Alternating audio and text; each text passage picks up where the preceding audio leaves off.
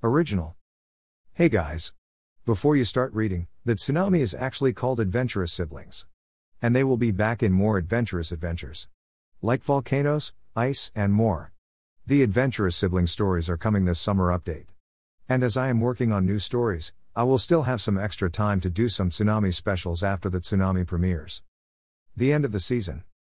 Joe, Frederick, Jasmine, and Anne are at their home doing absolutely nothing. They are bored and sitting on the couch. Raya? I'm so bored. Like, why can't we do anything fun like we used to? said Frederick angrily. Because it's locked down, said Joe. And until then, you can catch up on your studies and read books, said Joe. Oh, come on. That stuff is boring. I mean, what can studies and science and all that possibly help you in life? said Frederick. Actually, without mathematics, you'd probably be homeless on the street. You can see Jasmine and, and study from time to time, said Joe angrily, trying to make a point. Uh, don't drag Anne, Anne into this conversation, you sort it out. I'm going to my room to do my designs, said Jasmine. Ooh, that sounds like fun, can I help? said Anne kneeling by Jasmine's feet. Sure, why not? You have a good sense of fashion, said Jasmine smiling. All right. What are we waiting for? Let's go do your designs, said Anne excitedly. You mean our designs, said Jasmine smiling as the two ran upstairs laughing. Joe sighed, I wish we got along just like those two, said he. Well, I don't think that's happening in thousands of millions of years, said Frederick. Now I'm going to go play games on my brand new game station Dad got me, said Frederick as he ran to the gaming room upstairs. Oh, Frederick, you'll never change, said Joe quietly to himself as Fred ran upstairs. Well, let's just continue studying, shall I? said Joe. But before he even got his pencil on the mathematics handbook practice, he whole ground shook. Ah, uh, what is that sound? said Anne. Oh no, no, no, no, said Jasmine frightened. Is this the game or the earth that's shaking? said Fred. The ground, Frederick, can't you tell that? The ground, said Jasmine, panicking and screaming. Kids, come to my room. Immediately, said Dad. Wait, Dad, let me finish this level first, it's the final one, said Frederick. Come on, no time, let's go, Fred, said Jasmine, pulling him along. Joe ran upstairs and followed the others their mum and dad's bed. Joe thought in his head, what's causing this? His hand managed to reach the curtain, he looked outside and saw. The wizard. He hasn't appeared in months. PSSD. Guys, I see the wizard outside, said Joe. What? That coward hasn't appeared in months, said Frederick. Yeah, thanks for the catch up, said Jasmine sarcastically and rolling her eyes. Kids, the room is filling with water. Get ready to hold your breath, said the mum.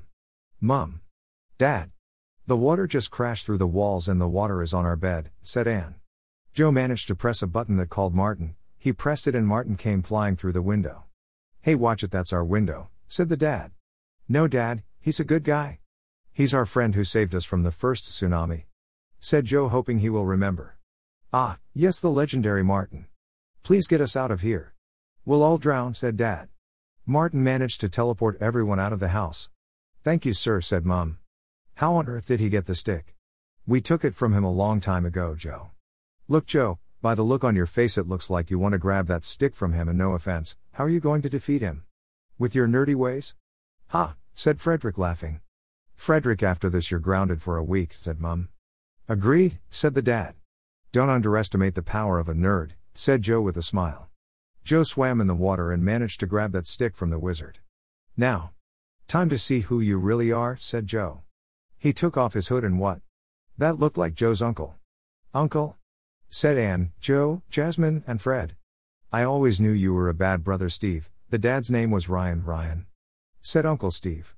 Oh, got to run. Oh, no, you don't, said Joe as he used the magic to trip him over and he stopped the tsunami as well. You got some explaining to do, shouted everyone. Steve gulped. So you did it for revenge because I got good grades in school and I have my own company? You were jealous? I'm your smaller brother, said Dad as he raged. I'm sorry, I just was jealous that you were better at everything than me, said Steve. I get it, but oh man, I hate to say this, but I will have to call the cops on you, said Ryan. Not if I get away, said Steve, running away, taking the secret tracker he saw Ryan place on his phone. Hey, get back here, said Frederick. Look, Joe, I really underestimated you. I judged you and made fun.